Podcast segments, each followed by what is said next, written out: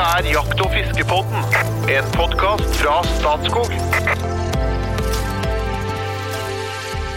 Hjertelig velkommen til Jakt- og fiskepodden. I dag skal vi eh, ta en episode med litt smell i. Vi skal rett og slett inn på kulerurut, nærmere bestemt eh, hagl og haglpatroner. Og nå må vi gå veldig skrittvis til verks, for nå er da programleder av den arten som ja, jeg har egen hagle, men jeg har vel egentlig aldri kjøpt egne haglepatroner. De har jeg bare fått utlevert. Så vi må ta dette litt sånn eh, skrittvis, en liten sånn innføring, og så skal vi nærme oss hva som er gunstig å bruke på de ulike jaktformene. Med oss i dag så har vi med selvfølgelig en ekspert. Hjertelig velkommen tilbake, Vidar Nilsen fra Norges Jeger og Fisk. Takk, takk. Hva er din, eh, forresten, er det, er det storvilt eller småvilt som er din favorittjakt? Det er nok eh, fortrinnsvis eh, storvilt, men jeg er ganske altetende også, så småviltjakt det er helt topp, det òg. Ja, og når jeg sier hagl og haglpatroner, da kjenner du at da, herre går det an å snakke om en stund? Absolutt. Enn du, Jo Inge Bresjeberget, fagsjef i Statskog. Ja, det er meg. Ja. Du, du ville ikke ha vært tung å be, du heller? På, Nei, for all del. Jeg, tror, jeg håper vi klarer hele praten i gang på det, ja. på, det, på det jaktrommet ditt på, på gården. Mm. Har du mange forskjellige patroner der? Ja. Ja. Jeg henter hver bruk. Og ikke minst informasjonssjef i Jeger og Fisk, Espen Farstad. Når du er på tiurjakt, ja, er, det, er du helt sikker på at du har rett om ammunisjon til det du er på jakt etter? Nei, jeg har ikke det. Så jeg har egentlig gleda meg litt til denne episoden. for å Sette meg ned med Vidar og prate litt ordentlig om dette her. Jeg er jo en haglejeger. Mer enn en riflejeger, bare for å ha sagt det. Jeg, jeg, er jo på en måte, Det er liksom der hjertet ligger. Men jeg har mange spørsmål som jeg håper vi kan liksom sveipe innom i løpet av denne episoden. her sånn. Helt perfekt. Hvis, du, hvis du skal ta sånn grunnleggende, når vi snakker om en haglepatron, hva er liksom de ulike Hva er ulikhetene på ulike typer, typer haglepatroner? Nei, du har jo først og fremst eh, ulike kalibre, hvor eh, det som vi kaller kaliber 12 er, eh, er den mest vanlige. Det er- tipper den utgjør godt over 90% av det jegerne har. Det er standarden. Det er standarden. Og så har de jo gjerne et etternavn, kaliber 12 og 1270, 1276. Etternavnet der, det andre tallet er jo hvor lange disse her patronhylsene er, og det er greit også å ha litt kontroll på. Så eh, jeg beklager, jeg må spørre. Kaliber 12 vil jeg si 1,2 cm i diameter? Nei, det vil egentlig ikke det. Nei. Dette her er stammer fra gammelt av. Hvis du tar ett pund med bly og støper i tolv helt like runde kuler, så får du den diameteren som tilsvarer kaliber 12. Aha, så det er hagle vi snakker om. Så derfor så vil eh, kaliber 20 for eksempel være en mindre diameter enn kaliber 12. Hvis du tar ett pund med bly og støper 20 like runde kuler, så får du mindre kuler. Så det er den eh, diameteren på den enkle rundkula støpt av et pund bly som er liksom opprinnelsen til den kaliberbetegnelsen. Den størrelsen på selve patronen, har den alltid vært én type størrelse? Nei, det. det, det her har variert opp gjennom tidene, og det finnes mange forskjellige størrelser på haglpatroner. Det er først i moderne tid at den nærmest er standardisert da, på 70 mm lengde. Mens, eh, som vi nevnte i en tidligere episode, engelskmennene var veldig langt framme, gode på stål. Veldig langt framme på å produsere hagler, og lagde kanskje de beste haglene sine tidlig på 1900-tallet. ja, før første verdenskrig. Og vi, så vi har veldig mye til det derifra, men eh, hvis du leiter opp noen av de gamle haglene, så har de ofte en kortere kammerlengde enn 70 mm. Altså en type 65, eller noen er også 67 mm. Vidar, Før vi slipper den helt, for det at 12 er litt sånn det- det rådende, ikke sant? Du sier 90% Ja. Så kommer kaliber 20. Så kommer kaliber 20. Ja, ofte litt nedlatende, syns jeg, karakterisert som damehagler. Ja, det er egentlig bare tøys, for hvis, du, hvis du har like tung eh, hagleladning som skal sendes ut like fort, så, så vil eh, rekkehylen være like høy i den som, eh, som i en kaliber 12. lettere og smekrere hagle. Gjerne litt lettere og smekrere hagle, det vil jo si at du får ikke noe mindre mindre hjuling i andre enden. Nei. eh, Som skytter Men av- lettere å bære. Men lettere å bære. Ja, typisk i drillinger og kombinasjonsvåpen, kombier, så vil 20-kaliber være eh, ikke enerådende, men eh, mer vanlig. For at du får en smekrere eh, låskasse og lettere våpen, rett og slett. Og fra gammelt av så var det jo også mer vanlig med kaliber 16. Ja. Den ligger jo sånn midt imellom. Det, det er jo egentlig et helt fint kaliber, det. Men eh, det produseres veldig få våpen eh, i det kaliberet i en dag. Så nå er det liksom blitt standardisert mer på 12 og 20. Men nå som vi jakter med bly, så er det fullt mulig å jakte fortsatt med kaliber 16. Det er, utvalg å få i kaliber 16. Det er jo mange som har gamle hagler i kaliber 16. Jeg startet min, min jegerkarriere med en 16-kaliber. Det er egentlig et fantastisk kaliber.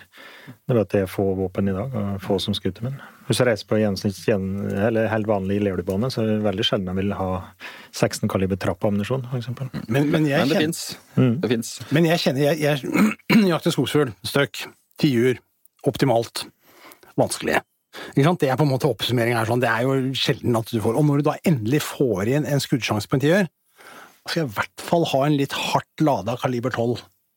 Altså, jeg skal ikke gå med noen 20 -hagle. Sikkerhetsmargin. Ja, ja, det, det er, sikkert, er dette helt irrelevant? Er det bare sånne dumme tanker som jeg har? Men jeg må innrømme at jeg tenker sånn. Nei, det er kanskje ikke helt uh, dumt tenkt, men uh, det er ikke nødvendigvis fasiten. Når man snakker liksom om hardt lade haglepatroner, så snakker vi om, uh, gjerne om vekta på hagleladningen. At du har en patron med 36 grams ladning, eller 42 grams ladning, eller, Eller det som verre. eller det som verre er, ja, 52 grams ladning. Ja. Men uh, det man øker, er jo vekta på hagla. Altså at det er en større antall hagl i patron. Og utfordringa med de er jo at uh, det er ikke alltid man klarer å følge opp med å gi de like god utgangshastighet. Nei. Så Ja, for, du, du, du, for, du, for du øker ikke kruttmengden like mye sånn at du på en måte egentlig skal skyve på mer masse, da. ja, man prøver jo, men det er jo utfordrende innenfor de trykkstandardene man eh, har, da, å få de aller tyngste hagleladningene til å ha samme utgangshastighet som lettere hagleladninger. Og gjennomtrengningsevnen eh, til hvert enkelt hagl er jo avhengig av å ha god utgangshastighet. Så vi som har en tendens til- å bli, havne litt bak tiuren, burde kanskje heller bestrebe oss på noe som går litt raskere, da. Ja, i hvert fall sørge for at han velger patroner som har eh, høy eh, utgangshastighet. Så det er jo bedre å treffe med 36 gram hagl midt i enn å sende ei skur med 52 gram hagl litt bak. Men før vi galopperer nå er jo- Nå skal jeg akkurat det til, det, det er jo fryktelig plagsomt å sitte i lag med en sånn gjeng. Og, eh, for nå har jo allerede diskusjonen gått ut i et farvann der jeg har datt av båten. Ja. Kan, kan, la oss se at du skulle lage ei, ei bok til barneskoleelever. Ja. Og så skulle du ha forklart dere så enkelt som mulig. Eh, og da er det alt rundt hagl og haglpatroner. Hvor starter du da? Vær så god. Hvis vi starter på haglpatron, så må du aller først se på børsa di hva som står merka på børsa. Og står det kaliber 12, og så står det gjerne skråstrek 70 eller skråstrek 76. Da er det viktig at man ikke velger haglpatroner som er lengre enn det som er lengden på kammeret. Beklager at jeg må bryte men det er bare Jeg har en bekjennelse, skjønner du. Ja. Jeg har jakta med 1276 på skogsfugl i mange år, Ja. for jeg tenkte at eh, jeg skal jaggu ha noe som det er litt sprut i, liksom. Ja. Helt til jeg oppdaga at jeg har 1270-hagle. Ja. Eh, og da kjente jeg at jeg ble litt sånn kald, liksom. Har jeg, var, Du har jo kvalitetshagle. jeg har ei god hagle, så, det, så den har holdt. Men, men, men det går jo fint. Altså, du dytter en 12-76-patron inn i kammeret, så stopper den jo ikke fordi den er for stor. Nei, fordi med lengden på patronen måles når patronen er skutt etter at hylsa er bretta ut. Ja. Derfor vil det være fullt mulig å putte en uh, uskutt uh, haglpatron som er for lang. Den vil passe helt fint inn i kammeret. Men eh, Veldig dårlig patent. Er det skummelt? Ja. det, det, vil, det vil jo bli Potensielt så det farlig. Potensielt så kan det være litt skummelt, for det blir jo da litt for trangt uh, i overgangen mellom kammer og, og løp når den haglladningen skal ut. Ja, for der er det en innsnevring, ikke sant? Og så når patronen da åpner seg, så kan det bli for kont, liksom. Ja, da blir eh, liksom hylsa bretter seg ut uh, helt inn i sjølve løpet istedenfor i den Og her er det da fæle krefter i sving. ikke sant? En voldsom kraft som skal utløses på kort tid. Så da når du har en hagle i kaliber 1270, den er jo da i utgangspunktet laga for standardpatroner, så når du da putter inn en, en 1276-patron som er kategorisert da som en magnumpatron eller en sånn high performance-patron, så er jo, opererer jo de gjerne med høyere trykk i utgangspunktet enn det en uh, hagle i kaliber 1270 er godkjent for. Og i tillegg da får du den eh, ekstratrykket du risikerer ved at eh, at det blir trangt inn i overgangen til løpet. Så potensielt så, det, så kan det være skummelt. Og det er jo sånn med Eh, om det er ei rifle eller ei hagle, den holder så lenge den eh, holder. Du får ikke noe, får ikke noe forvarsel hvis det går uh, gærent. Altså, det går... Jeg har slutta med det nå, jeg vet at det høres ut som en bekjennelse, dette, men det gikk opp for meg med liksom, jeg så et våpenkort at det er liksom 1270 Oi! Det har ikke jeg tenkt men, på. Men du har sett på hagla, så er du sikker på at hagla ikke er 1276? For det kan stå gærent på våpenkortet òg. Det kan det være. Du må jo sjekke kameraet på hagla di, da. Så, så altså, man har lagd opp et system her hvor du kan dytte en 1276 inn i et 1270-kamera. Det er potensielt farlig. Det står på hagla di at den er 1270, men det er ikke sikkert at det stemmer? det er det du sier? Nei, nei jeg vil si at du, du, må jo sjekke hagla di, for det, det er jo, på hagla ja, er det jo stempel. på hagla er stempelet riktig. Men, men, det kan stå feil i våpenkortet. Det har jeg opplevd. Okay. Mm. Okay. Ja, men uh, vi er tilbake men, på uh, barneskolen. Ja, det kan, det kan, gå bra. Det kan gå bra i 100 skudd, det kan gå bra i 1000 skudd, det kan gå bra i 2000 uh, skudd. Det ja. Ja. Men uh, du er jo Du, du beveger deg over liksom i litt, uh, litt rød sone, da. Så hovedregelen er å sørge for at Men du kan alltid bruke kortere patroner enn det som er stempla på fint. Andre veien går det helt fint. Så står det 1276 på løpet ditt, så må du gjerne bruke patroner. På moderne hagla så står det enten 1270 eller 1276. Ja, og noen har faktisk 1289 også. Kanskje der? Ja. Kjempelange kamre. Men du kan alltid bruke de som er kortere enn det hagla er laga for. Det er klart. Ok, unnskyld, jeg brøt inn. Ja. ja øh, vi er på skolebenken fortsatt? Vi er på skolebenken er det spesielt, da? Øh, fortsatt. Da har man liksom i hvert fall valgt patroner som, øh, som passer til børsa. Det er jo det viktigste. Ja. Og så må man jo se hva man skal jakte på, da. For å velge riktig størrelse på, på haglpatronene riktig haglstørrelse. Mm -hmm. Og da er det jo gjerne sånn at eh, skal vi jakte på rype eller due, altså mindre, mindre vilt, så velger man små hagl. Og skal du jakte på Typisk seks. Seks. Mm. Ja. Kanskje sju også. Sekser hagl, sjuer eh, hagl. Mm. Uh, Hvor mange hagl inni da? Det er flere hundre. Ja. ja. Hva, hva står det tallet for? Seks-sju? Det er en, eh, det er en num nummerering som eh, okay. vi brukere forholder oss gjerne til De fleste er merka med US-nummerering, og da er det sånn at jo høyere haglnummer, jo mindre hagl. Men de fleste patroner er også merka med millimeter, eh, millimeterbetegnelse. Mm -hmm. Er... Europeere bruker millimeter, mens ja. Eh, det vanlige eh, ja, Engelskmennene har jo også sin skala, som avviker fra den ja, US-skalaen. Og norsk skala avviker fra US-skalaen. Og... Ja. Men jegere flest bruker jo 7, 6, 5 ja. Og det er US-skalaen som er mest brukt. da. Storfugl. Da bruker vi større hagl. Da er vi på nummer fire, tre Ja. Fire-fem. Rådyr. Da bruker vi enda større hagl. Da er vi på to og én, og kanskje noe enda grovere enn det også. Mm. Er det som kalles buckshot? De er enda grøvere ennå. De er enda grøvere. Da er det type 10-12 kuler i en patron. Mm. Men dette, dette, høres jo veldig greit ut. Man lærer seg jo fort liksom det. Altså, ja. Jeg føler at jeg begynner å komme på noe. Femmer, ikke sant? Ja, og så videre, ikke sant? Men du veit jo ikke alltid hva du jakter på. Nei. Du går i skogen. Godt poeng. Ja, Så jeg tror at jeg går i tiurskogen og går med firer, eller kanskje til og med treerhagla. Mm. Og så kommer du opp ei gjerpe. Ja. Det går jo fint som uh, bare det. Du har, jo større hagl, så har du litt færre hagl i patron. Så hvis du, hvis du hvis det er aktuelt å skyte flere forskjellige viltarter, så vil man kanskje bevege seg litt i den grovere enden mot det største viltet du skal uh, skyte. Så så får du heller skyte de, det litt mindre viltet med litt grovere hagl. Det er jo bedre enn at du står der med veldig fine sjuerhagl, rypehagl i børsa, og det dukker opp et rådyr. Da, da bør du la være å skyte. Men jeg, bruker, men jeg bruker, og det er vel vanlig, og en kombinasjon. altså Jeg bruker ofte femmer i første løpet og firer i andre løpet. Ja. Det er en måte å løse det på. Eller, ja, fordi at avstand til fuglen er større på skudd nummer to. Mm.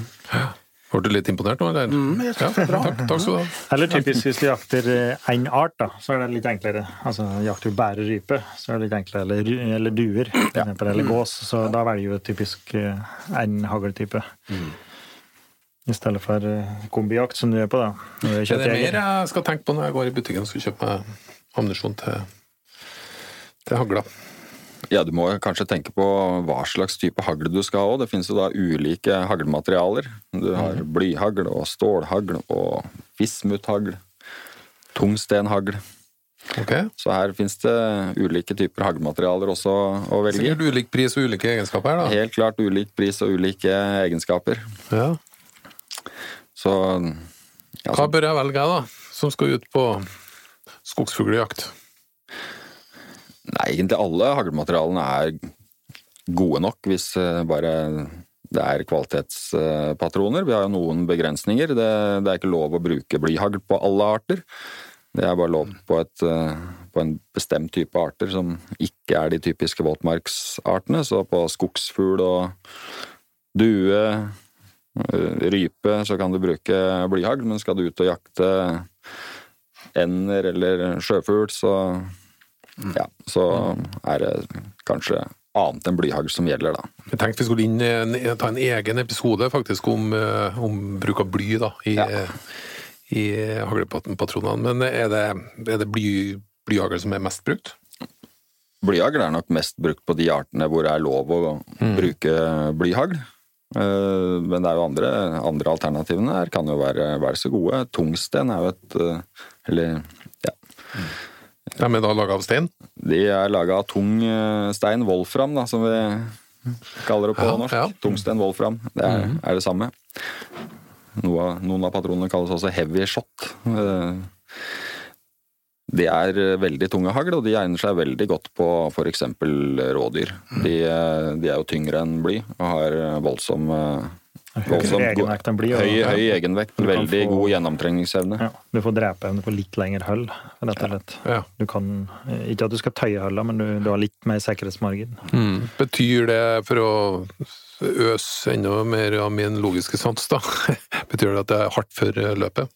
Det er hardt for løpet, så de, det er, den type patroner bør kun brukes i moderne hagler av, av god kvalitet. Så ikke noe sånn Her har jo jeg kjørt 76 i mitt 70-kammer med tungstein, jeg, så det, det, det, det er slutt på det nå. Nei, men, men, men det var jo altså da, de, Noen år så hadde vi jo blyhaglforbud. Forbud mot bruk av blyhagl. Det forbudet er for så vidt ennå, men det er myka opp litt. altså Vi kan bruke bly på en, på en del arter. Men, men i de åra hvor det var på en måte i realiteten totalforbud mot å bruke blyhagl, så, så måtte vi jo forholde oss til alle disse nye haglematerialene som kom. Det var jo mye lettere før, ikke sant? for da kjøpte du hagl, det var blyhagl, det var tungt og bløtt og billig, ikke sant? og det var lett å bruke. Men så kom det en del alternativer, så måtte vi jo lære og erfare litt og sånn da, ikke sant. Og, og jeg har bare lyst til å ta fatt i det poenget du sa, ikke sant? at du kan på en måte bruke alle typer hagleammunisjon, forskjellige typer, bare du sørger for at det er en kvalitetspatron bak. Altså du må ha noe med utgangshastighet og sånn som gjør at du på en måte utnytter egenskapene i det materialet som er gjort på en riktig måte. Ja, for jeg antar at det, det er prisforskjeller her, da. Når jeg kommer i butikken, så handler det så er prisforskjeller, og sannsynligvis da kvalitetsforskjeller utover det vi har snakket om nå. Hva, hva går det på? Hagle er jo et kortholdsvåpen, og, og bly, som Espen sier, er billig og lett å få tak i, og egentlig eh, helt ideelt materiale å lage kuler og haglekuler av. Og det er at eh, det er litt større konkurranse på, på blypatroner, og de er de billigste. Og jeg vet ikke om jegerne nødvendigvis velger det billigste lenger. Når jeg begynte å jakte, så var det, det å få tak i de billigste haglpatronene. Av type Baikal og Nike, og jeg husker. Det var, og det var eh, nesten så du så svartkruttet, og det var, det var litt tvilsom kvalitet på en del av det. Mens i dag så er det veldig høy kvalitet, og vi har mange gode patronfabrikanter. Og da, er- er det ikke noe vits i å skorte på kvaliteten, tenker jeg da. Vi har, det, det er jo merker som har vist seg over tid å være veldig stabile og veldig gode.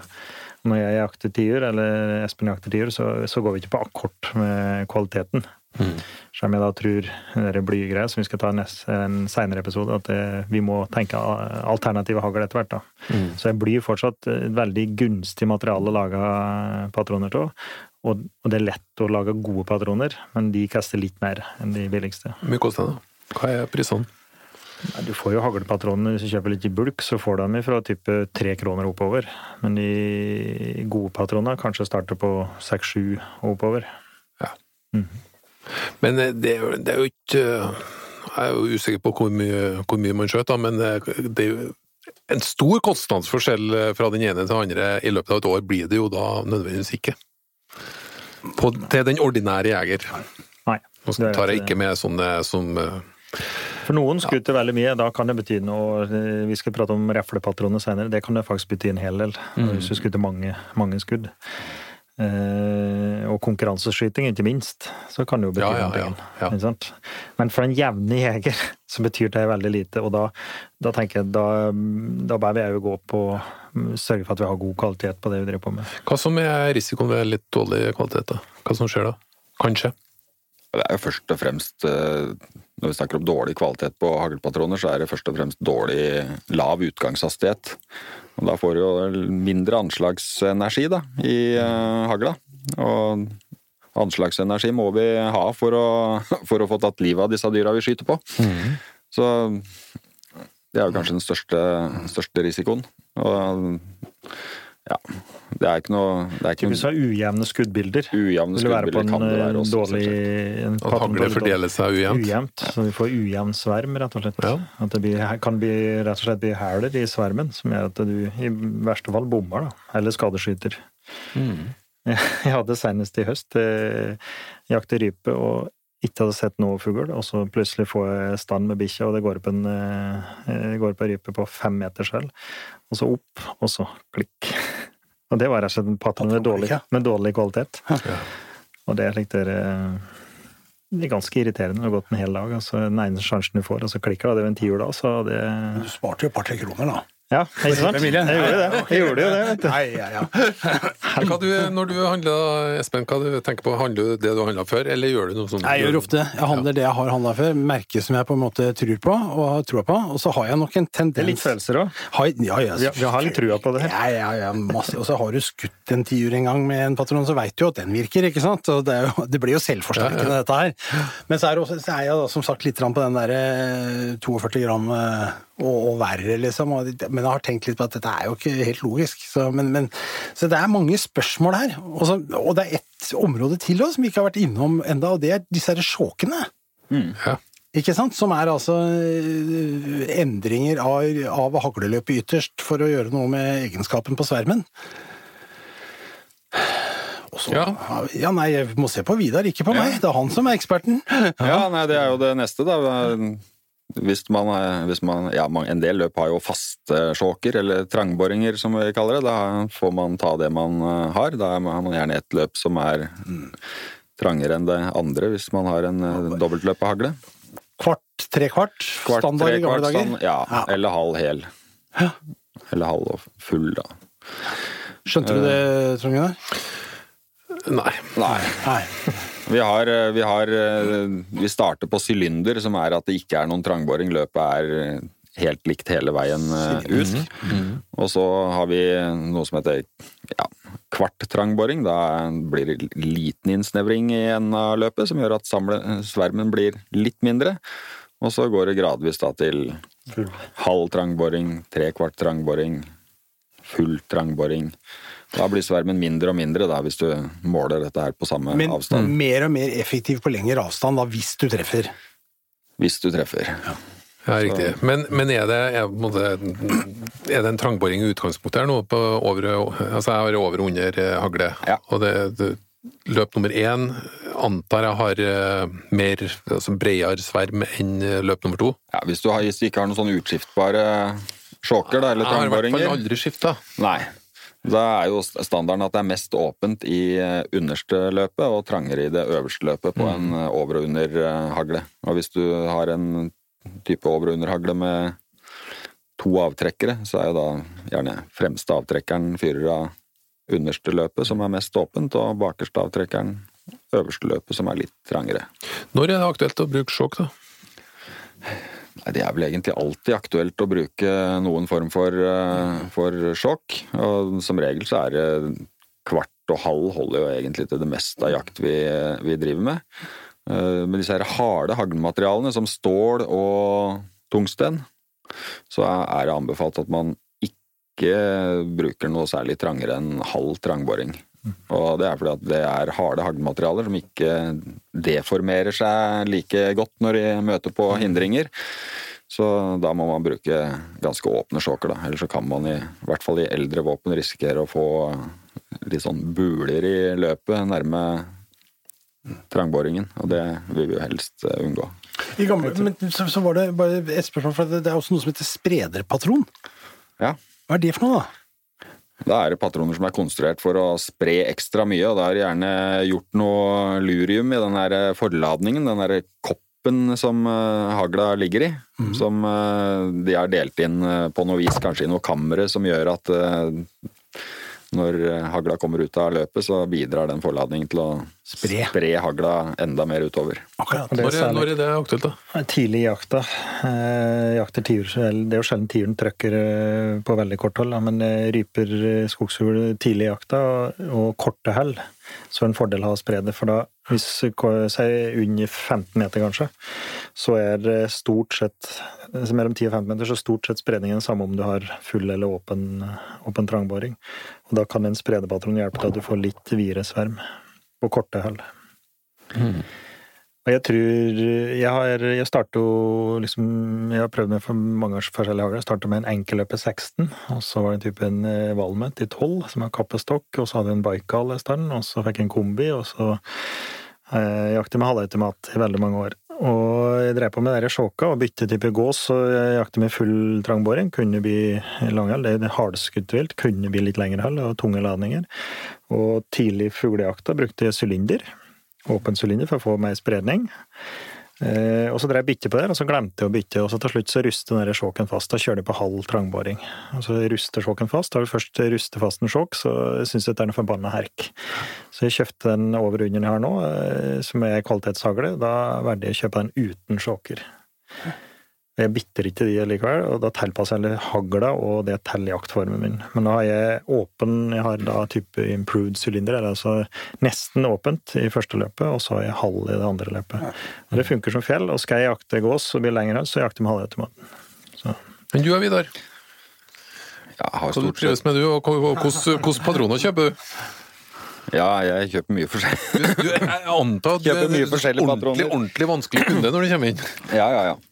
Nei, jeg veit ikke det. Jeg har kanskje bestemt meg før jeg Ja, det er det egentlig kanskje en enkel kunde sånn sett. Nei da, jeg liker gjerne å prøve litt forskjellig. Det er, hvis en tar i forlengelsen av dette med sjåkvalg, så er det jo sånn at ulike patroner også har ulik spredning. Og var inne på sprederpatroner, men det, det vil altså for alle andre vanlige patroner også kunne være litt forskjell. Så det beste er jo egentlig rett og slett å finne fram en rull med gråpapir, og så stelle seg på 20 eller 25 meter og skyte noen skudd på pappen og se om du faktisk treffer der du treffer, og se hvor stor den spredninga er. Det kan det jo være to tilsynelatende like patroner som eh, gir forskjellige spredninger med den samme trangboringa. Så, så det er ikke noe sånn eksakt vitenskap, det her å verken å velge patroner eller eh, trangboring. For det varierer faktisk fra hagle til hagle. Ja, om vi hadde hatt like hagler, så kunne de hagle godt annerledes med samme patroner.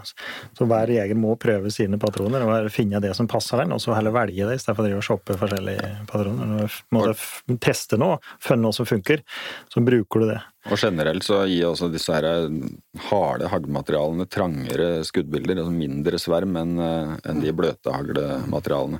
Så at man ikke skal bruke veldig trange trangboringer, ikke trangere enn halv med stål og tungsten, henger så henger det for så vidt på greip, fordi, greip, fordi de gir gjerne veldig trange, trange skuddbilder. Så skyte med halv trangboring med stål eller tungsten, så er det kanskje like liten sverm som om du hadde satt i tre kvart, Tilbake til Espen da, med med, hans tunge ladninger på tiur. Og da, for du får veldig fort Det blir litt uryddig sverm og litt dårlig hastighet på dem. Og det er kanskje vondt verre, eller det blir ikke nødvendigvis den- den fordelen Espen er ute etter. Nei, det var det jeg prøvde å si, at det kanskje skulle Ja, du får mer rekyl. Og engelskmennene satser stort på duejakt, f.eks. Og er det, som, det kan bli mange skudd. Og da er greia at du skal ha korte hull og lette ladninger. Det er en fordel. Og greia med at vi velger de tunge landene, er for å ha den sikkerhetsmargen inne. Ikke sant? At det, det kan jo bli litt lengre hull, eller altså, Gjennom ei buske, og du veit ikke skauen, ikke sant? Ja. ja, Men eh, jeg jakter konsekvent med 4 og, til 36 grams på skogsfugl. Og, og syns det er mer enn uke rekkehyll i den. Til at det skal være behagelig hvis det blir litt skutting. Da. Men eh, vi fikk ikke slippe, det finnes jo enda flere varianter. Vi må ta med det. Hva med duplex? Ja, da har man putta forskjellige haglstørrelser i, eh, I samme i, patron. i samme patron. Firer og sekser, typisk. ikke okay, sant? ok. Nei, men det funker jo Hvorfor det? På, Nei, Det er veldig greit for meg som når jeg jakter i Sverige. Jeg har brukt duplex nå, og har egentlig vært veldig fornøyd med det. Jeg går i et område hvor ja, som jeg nevnte, her er det jerpe, her er det orrfugl, her er det tiur. Du er jo ikke helt sikker på hva det er som skal gå opp, ikke sant? selv om du kanskje har en formening. Da kan du putte inn en sånn duplex i, i, i løpet, og det har funka veldig bra, syns jeg. Skulle vært mer Altså det er ca. halvparten med firerhagl og halvparten med sekstenderhagl i samme patron. Skjønner. Litt av alt. Skjønner. Og jeg har prøvd det litt, jeg òg. Det er verst at jeg må innrømme at det har fungert. Jeg hadde egentlig ikke noe trua på det, men ja, Det funker, ja. det har funket. De Ja. ganger jeg har prøvd dem, i hvert fall. Ja, det er jo på en kombinasjon av de store hagla som gir god eh, gjennomtrengningsevne, samtidig som du får litt bedre dekning når man har, eh, har eh, flere haglpatron da, ved å ha litt mindre hagl i også. Når du er på eh, Lerdøbanen, da, da eh, Da skyter vi med 24 grams ladninger med stålhagl. Litt sånn rimeligere eh, opplegg, gjør vi ikke? Lettere, ja. Noe. Men det har skjedd en utvikling der òg. Jeg husker i min spede barndom så var type lerdøhagl 32 gram. Og så gikk det ned til 28 gram, og det var standarden. Og nå er jeg 24 gram type standarden. Og det masseproduseres. da, ikke sant? Her er det bare om jeg har størst mulig volum og for å få billigst mulig patroner og jevnest mulig patroner. Men det har skjedd en utvikling der òg. Absolutt. Hva er det som utviklingen har gått av på bedre krutt, eller? Ja, at man får, har bedre, bedre utgangshastighet og Det er vel kruttet først og fremst som Ja. blitt bedre, antakeligvis. Ja. Det er utvikling på krutt og forladninger òg, så du får høy utgangshastighet og, og snill eh, rekkehyll og jevne skuddbilder.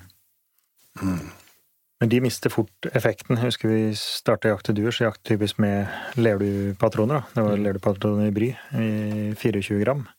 Og tidlig i jakten med korthell så fungerer det helt fint, men uh, du mister veldig fort effekten på de. Så når du kommer på 25 meter, så, så begynner de å tape effekten sin. Det blir dårligere patroner. Så Leirduepatroner med stålhagl, som er det vi bruker i dag, de egner seg best på leirduer. Ja, ja. Er det, er det en tenkbar mulighet til å lage sånt sjøl? Er, det- er det noen som gjør det? Å lade. Ja. Ja, det går fint å lade haglpatroner, men eh, lønnsomt er det ikke. Det var jo de lading til haglpatroner det var, på en måte var greie i Norge, men eh, det er mange år siden nå. Ja. Det lønner seg ikke, rett og slett. Du klarer ikke å konkurrere med de volumprodusentene, og komponenter er ganske dyre. Leirduepatroner, for eksempel, det er Du vil aldri klare å lade det til den prisen eh, du får kjøpt ferdige patroner. Det er ikke mulig. Hva med, hva med Nå har vi snakker patroner, liksom, og så var vi litt innom hagler og sjåker og kammerlengder og alt mulig sånt, men hva med over-under, side by side, halvautomat, pumpe? Enkelløper Skal vi ta med det òg nå, da? ja. Nei, hva liksom har du å si om det? Ja, så skal du jakte, så spiller det egentlig ingen veldig stor eh, rolle. Du jeg har jo kun, lov til å kunne ha to patroner i den hagla uansett. Så det er jo i hvert fall utgangspunktet, at alle de typene som du nevnte, de har du plass til to patroner i. Og har du plass til flere patroner, som man gjerne har i en pumpehagle eller en halvautomathagle, så må den plomberes så det bare går ett skudd i kammeret og ett i magasinet. Eh, altså, over- og underhagler er jo det helt klart dominerende i dag, og det, det funker som ei kule, det. Eh, sideligger, det, det er vel kanskje var jo mye mer vanlig tidligere, i tidligere tider. Så jeg kan ikke se noen god grunn til at man ja, Man må gjerne velge sideligger hvis det er det man har lyst på. Men, Ser eh, bra ut. hvis du syns det ser bra ut, og det treffer bra med hagla, så er jo det helt greit. Jeg hører at du syns at alle fornuftige jegere burde bruke over-under, egentlig. Ja, det er ikke noe sånn Det hørte jeg òg. Ja, Du hørte det, du òg? Ja, jeg gjorde det. Ja, men, men da skal vi huske at Vidar er jo en, er jo en skytter, altså en konkurranseskytter, så du kommer jo fra det miljøet, da. Ja da. Ja.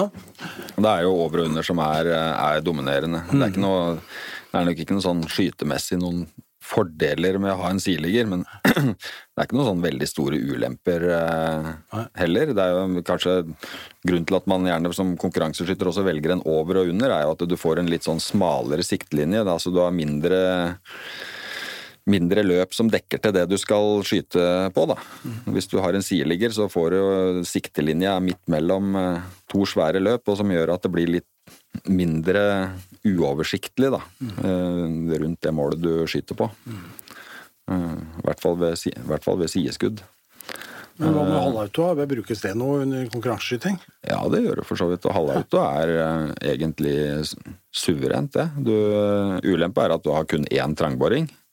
Eh, men det er i praksis ganske uproblematisk. Eh, fordelen er jo at du har gjerne mindre, mindre rekyl. Så hvis du skal drive og skyte med disse her tunge ladningene som gir mye rekkehyll i utgangspunktet, så kan det være fint å bruke en halvautomat. Ulempa er jo Og kanskje at mindre rekyl, det er fordi at rekylenergien brukes til å lade opp igjen neste skudd, ikke sant? ja, Jeg må skyte inn at min automat er drevet med bevegelsesenergi. bevegelseenergi. Altså ikke, det er ikke røykgassen som driver, eh, driver eh, halvautomaten, det er eh, krafta i rekylen som driver sluttstykket bakover. Da får du like mye rekyl som i en vanlig hagle. Og det er i tillegg en veldig lett halvautomat. Og skulle til tunge ladninger, så får jeg skallebank til kvelds. Jakter mye gås, for eksempel. Ja. For den er, men det, det er et eh, slik eh, den, Jeg vet jo den eh, halvautomaten har, bestått Nato-tester, for eksempel. For at eh, det, det smeller jo hver gang. En, en rekyldrevet halvautomat, eh, en gassdrevet halvautomat, kan trøble på lettere ladninger, for eksempel. Har tyngden på hagla noe å eh, i den sammenhengen der? altså, Både tyngde og lengde. ja. Ja. På hvilken måte da? Altså jeg har eh, Ei tyngre hagle vil jo gi mindre rekyl enn eh, ei lett hagle. Så må du betale prisen da, for å bære tungt i skauen. Så det er jo valget man må ta. Skal du bære lett, eller skal du og få mye rekyl? Eller skal du bære litt tyngre og få litt mindre rekyl? Konkurransehagler er typisk tunge hagler. Og ofte litt lange. hvordan velger dere? Jeg har faktisk en trapphagle, altså egentlig en konkurransehagle som jeg bruker på jakt. Men det var eh, Så den er mer, mer enn ja, ganske tung. Mer enn tilfeldighet. Jeg tror ikke Jeg kunne godt tenkt meg en lettere hagle, egentlig. Jeg som går hele dagen støkk. Jeg går jo statisk gjennom skauen sånn. eh, Liksom holder hagla i beredskap hele dagen. Så det er klart, da hadde det egentlig vært ålreit å ha en litt lettere en, men nå har jeg en gang vent meg til den der eh, tunge berettaen, så får det bli sånn. Men Jeg starter med da en lett halvautomat. Er 2,8 kilo i 1276 og kan skutte tunge ladninger. Og syns det var en god greie når jeg drev på med det. Og så har jeg da kjøpt en over og under som veier 3,2 Litt den beretta. Og får, syns jeg får bedre sving, og det er eh, bedre rekylopptak i den litt tyngre børsa enn den lette halvautomaten. Den er, blir litt mer vinglete, faktisk. Den. Den er kort løp og, og er lett, og blir litt mer vinglete i svingen enn eh, enn den eh, over under jeg har nå. Da. Halvautomathagler de får jo også en litt lengre mekanisme, da, så hele børsa blir gjerne litt lengre enn en over og under, eller en side ved side. Hva, du, hva velger du? Eller hva har du valgt? Over og under og halvautomat er det jeg bruker mest. Ja. Lett. Nei, mer, mer tungt og Mer mer, tungt, sta, standardtyngde. Det Men, Men vi nevnte bare, for jeg ikke får avbryte Espen, men vi Ja. nevnte det med enkeltløper. Jeg det. Startet jo min jegerkarriere med enkelløper. Og, og det lages jo knapt nok i dag. ikke sant? For- Før var jo det greia. De var billigere å produsere. Og det var en, det var en beretta 16-kaliber som kunne folde sammen. Det var en jævlig praktisk hagle, faktisk. Det var litt røkkelin, da. Men, men Foldbare hagler. ja. Jeg kjenner jo at jeg aner noe om bruken av de haglene der. Dette er jo 20-grader, ikke sant, fra gammelt av. Er ikke noe inne på Finnskogen. Rett ned i gråsekken, ikke sant? Du kan putte den i sekken. Men du lærer utrolig mye til å ha kun ett skudd til rådighet. Og når du er som fersk jeger, du må velge den skuddsjansen som er best, og du har det, kun det ene skuddet til rådighet. Det lærte i hvert fall jeg utrolig mye av. Men det er ikke i dag at vi går tilbake til, til enkeltskuddshagle, men, men det lå fryktelig mye læring i det. Mm. Å velge rett skuddtidspunkt. Vi skal begynne å gå ned for, for landing, men jeg tenkte vi skulle ta en liten runde på noen gode råd for her, her, er det nok en del eh, altså, Kanskje er det en del feilvurderinger, og kanskje er det noen eh, Ja, jeg tror jeg bare setter i gang. Har, du, har dere noen gode råd til norske jegere? Jeg har, jeg har, i hvert fall et spørsmål til Vidar på akkurat dette. her sånn. Foranhold. Mm. Dette er jo, Dette er jo et fluktskytervåpen, ikke sant? Du skal skyte på noe som beveger seg, ikke sant? og du skal da følge på med hagla, ja, ja, ja. eller eventuelt legge deg foran. Men på, på, en eller annen måte så må du gjøre disse beregningene i et brøkdel av et sekund. ikke sant? Hvor fort flyr denne fuglen? Eh, retning og vinkel, og hvor skal jeg sikte? Og dette, dette er vanskelig. For det første strider det mot bare for å ha sagt det, når, Hvis du ikke har jakta med hagle før, så vil du peke rett mot målet. Det vil alle gjøre helt automatisk. ikke sant? Så må du lære deg liksom de der beregningene og det der greiene der sånn. Har du noen tips på dette, Vidar? For dette er det mange som sliter med. De fleste skudd går bak, vil jeg tro. Ja. Mm. De fleste skudd går bak. De fleste bom er i hvert fall eh, bak. Ja. Så for de som er litt uerfarne, så er det egentlig å dra på så mye at du tror du bommer foran. Da vil du jo ofte treffe. Men eh, det er vanskelig å, å få mye læring på det her uten å dra på lærdubanen. Du må rett og slett dra på lærdubanen og trene, trene, trene. trene. Ja, ja det, er, det, er, det, er, riktig. Det er ubehagelig eh, sannhet, det. Altså at det men trening hjelper. Så kommer det neste spørsmålene på, på Kan vi ja, bare ta den litt først, da, oppfølging på den. For det, det er jo veldig sjelden at uh, jegere bommer framme. Altså ja. dra på for mye. Det er ja. veldig sjelden. Og jeg har på, fått instruksjon på, på Lerøybane. Jeg husker vi skjøt på høye fasaner. Det var, tårnet sto 35 meter opp og sendte over fryktelig lange hæl. Du skjøt, og så så du svermen, og så så du treffen. ikke sant? Og da, så, da lå jeg typisk da jeg kjørte Passat stasjonsvogn. Han sa nå ligger du Passat stasjonsvogn føre, men du må ligge en langtråd der føre. Sånn, det var en sånn type semitrailer føre. ikke sant? Og jeg skjøt tilbake så det kost, til han lærte meg langt vei fram. Og så har du det med skiskyttere, f.eks. Du kan, finne, kan lære teknikker med å ligge bevisst framme, ha samme avstand framme. Mens eh, jeg lærte av en engelsk eh, skiskytter som er på eh, Olympialaget. Han eh, starter bak fuglen, og så drar igjennom, og når du er passerer nebbet, så drar du til, og så skutter. Altså, så du hele tida samme farten som fuglen, og så øker du hastigheten når du drar til. Da har du samme hastigheten som det byttet du skutter på. Da skal du trene litt, altså. Og det skal ja, trenes for å, få den, for å få inn den, og samtidig òg at du er nukk framme. Men at du har samme hastigheten, det er lettere enn å ligge bevisst framme, for da må du vite langt før du skal være, og hastigheten på fuglen og greier. Så komme inn bakifra, og så dra igjennom, og så øke hastigheten når du drar til. Det, men det krever litt trening. Det er jo et lite tips, da. Det går an. Det er mange, Nå har man jo fått sånne kameraer som man kan bruke for å se på Shotcam. Shotcam, ja. ja. Så gå inn på YouTube og søk på Shotcam ja. med K. Shotcam. Ja, det er utrolig morsomt, og det er så lærerikt. Kan jeg bare støtte opp om. Da, da, ser du fuglen går. Du ser at han sikter to meter foran før han trekker av, og fuglen går rett ned. Mm. Og du tenker jøss, er det så mye? tenker du hver gang. Ja, og, du får litt i, og du får i slow motion, slow og da kan man jo holdt på å si, få litt mer visuelt bilde av hva dette her dreier seg om, og så kan man jo ha med seg det når man skal dra på Lærdubanen og trene på egen hånd. Veldig lærerikt altså. Mm. Men hva med avstander, da? Vi har ikke snakka noe om avstander. For er det noe som er viktig på hagleskyting, så er det jo avstand. Ja. Hagle er jo kortholdsvåpen. Si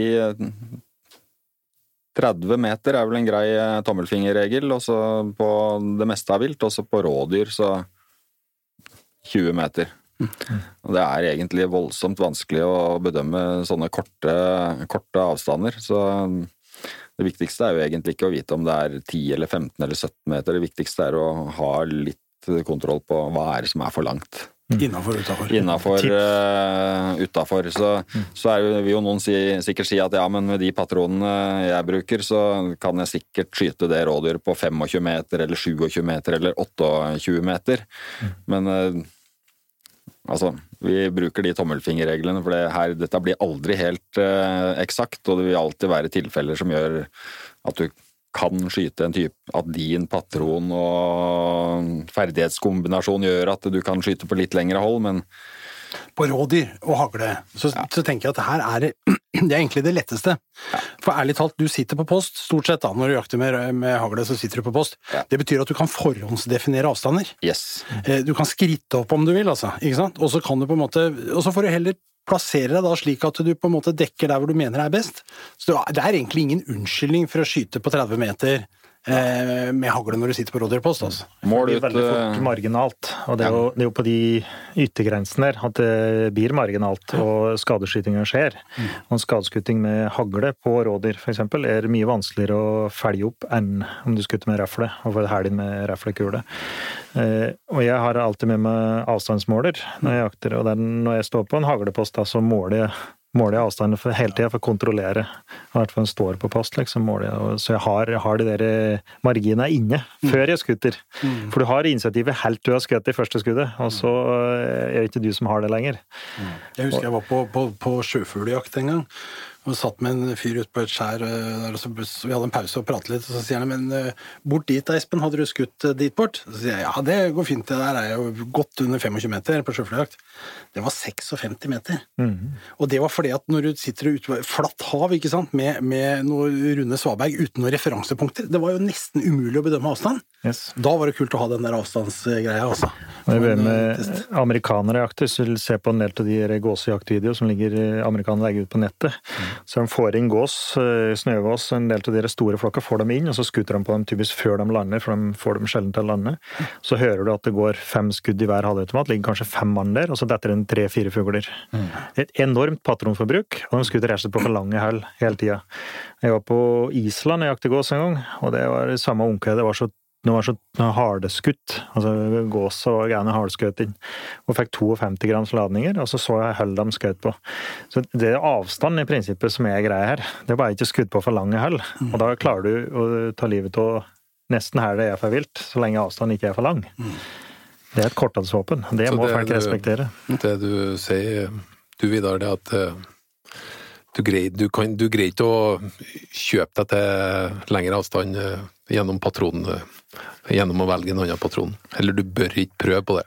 Nei, altså i teorien så kan du sikkert kjøpe deg litt lengre avstand med enkelte eh, patrontyper, men da får man heller la det gå på den der at du kan heller si at ved å velge de patronene som er litt ekstra kraftige og som har litt ekstra gjennomslagskraft, så hold deg til den eh, holdt på å si, tommelfingerregelen, og så bruk heller det til å ha en ekstra sikkerhetsmargin framfor å holdt på å si drøye standardholdet. Flere gode råd på veien her nå. Det begynner å bli mye. Det er mye. Ja, det er, jo, men det er jo når vi sitter og snakker gjennom hagle på den måten, ikke sant. Vi snakker om størrelser og kaliber og ulike hagletyper. sammen, alt det der. Alt dette henger Ja. sammen. Det er hele tiden liksom sånne der kryssende linjer. Du skal velge et kompromiss, hva som er fornuftig ene veien og den andre veien, ikke sant. Og hele tiden sånn. Og, og du kommer jo ikke unna at eh, altså, du får jo lytte til erfarne folk, Vidar for eksempel, og kommer deg på banen og prøver ut dette i praksis, og tester ut i hvert fall teste ut disse tingene her sånn før du drar på jakt. For det er, det er, litt, eh, det er litt dårlig gjort å teste, teste ut dette på levende vilt. Er en fordel å gjøre dette Ja, foran. jeg må få smette ja. en sak der. for Det, eh, det ble gjort i det forrige rypeprosjektet vi hadde, det store rypeprosjektet vi hadde. Så ble det gjort en spørreundersøkelse av mange skudd skuter den jevne det var rypejeger da, før jakt. Og da eh, var det jo noen konkurranseskyttere som hadde veldig mange skudd. Og så var det en jevne jeger hadde ganske få skudd. Men eh, hvis du la det utover, så fant du ut eh, noe sted mellom 200 og 300 skudd måtte en jevne jeger ha før før, den, eh, før du fikk opp treffprosenten. Så de skikkelig dårlige, de som ikke trente noen ting, de bomma stort sett. Og de der eh, som hadde trent litt eller skutt noen skudd, de eh, var nærmere å, type, nærmere å skadeskyte, da, i hvert fall. Mens de skikkelig gode, da er de gode. De er gode på sjøl på lange her, er som er gode jegere, men, eller gode skyttere. Men eh, det lå noen stand kanskje rundt 200-300 skudd i året trening før du får en merkbar effekt av det. Så jeg anbefaler å faktisk å reise på banen og trene. Det er jo baner rundt de fleste bygder i Norge som er mulig å få trent. Det er bare å gå inn i NJFF-appen, så finner du full oversikt over alle baner, haglebaner i hele Norge. Og der finner du også oversikt over hvilke haglestørrelser som er anbefalt til de ulike artene i Very de nice. ulike Nå snakker vi praktisk. haglematerialene. Takk. Rett og slett en ammunisjonsguide. En ammunisjonsguide ligger der, så der kan du gå inn på Ja. 'jeg skal jakte gås', og 'jeg skal bruke stålhagl', og så får du opp hvilke haglstørrelser vi anbefaler. I tillegg kjøper kvalitet, og går inn på nettet og kikker på shotcam, Ja. sånn at du får se at du faktisk må dra, det, dra den litt eh, foran eh, dyret, da har du kommet ganske langt ja, også, foran eh, fuglen. Og så veit jo, som de fleste veit jo omtrent hvor mange patroner bruker du på den rypejakta for hver rype du skyter. Bruker du mange patroner i forhold til antall felte fugl, ja, da er det egentlig to ting du kan gjøre. Det ene er å skyte på kortere hold. Det andre er å trene mer. Ja. Er, Engelskmennene sier bruker du mer enn 1,72 patroner per due, da må du reise og trene. Ja. Da er det, det, er det for lange hæl, det er for dårlig skuting, rett og slett. Med de bevingede ord fra eh, doktor eh, Bresjeberget, så går vi ned for landing. Det var en ordentlig runde som var veldig sånn sammenhengende på ulike, ulike fronter rundt hagl og haglpatroner, og hagler og dyr og hold og trening og kvalitet. Veldig spennende. Og så kan du gå inn på, på nettsidene til NJFF og, og appen til NJFF og lese mer. Og ellers eh, ta en tur på YouTube og se på Shotcam. Tusen takk, Vidar Nilsen, for besøket, og takk til Jo Inge Breisjeberget, takk til Espen Farstad, og hjertelig velkommen til deg som lytter på, tilbake til Jakt- og fiskepodden.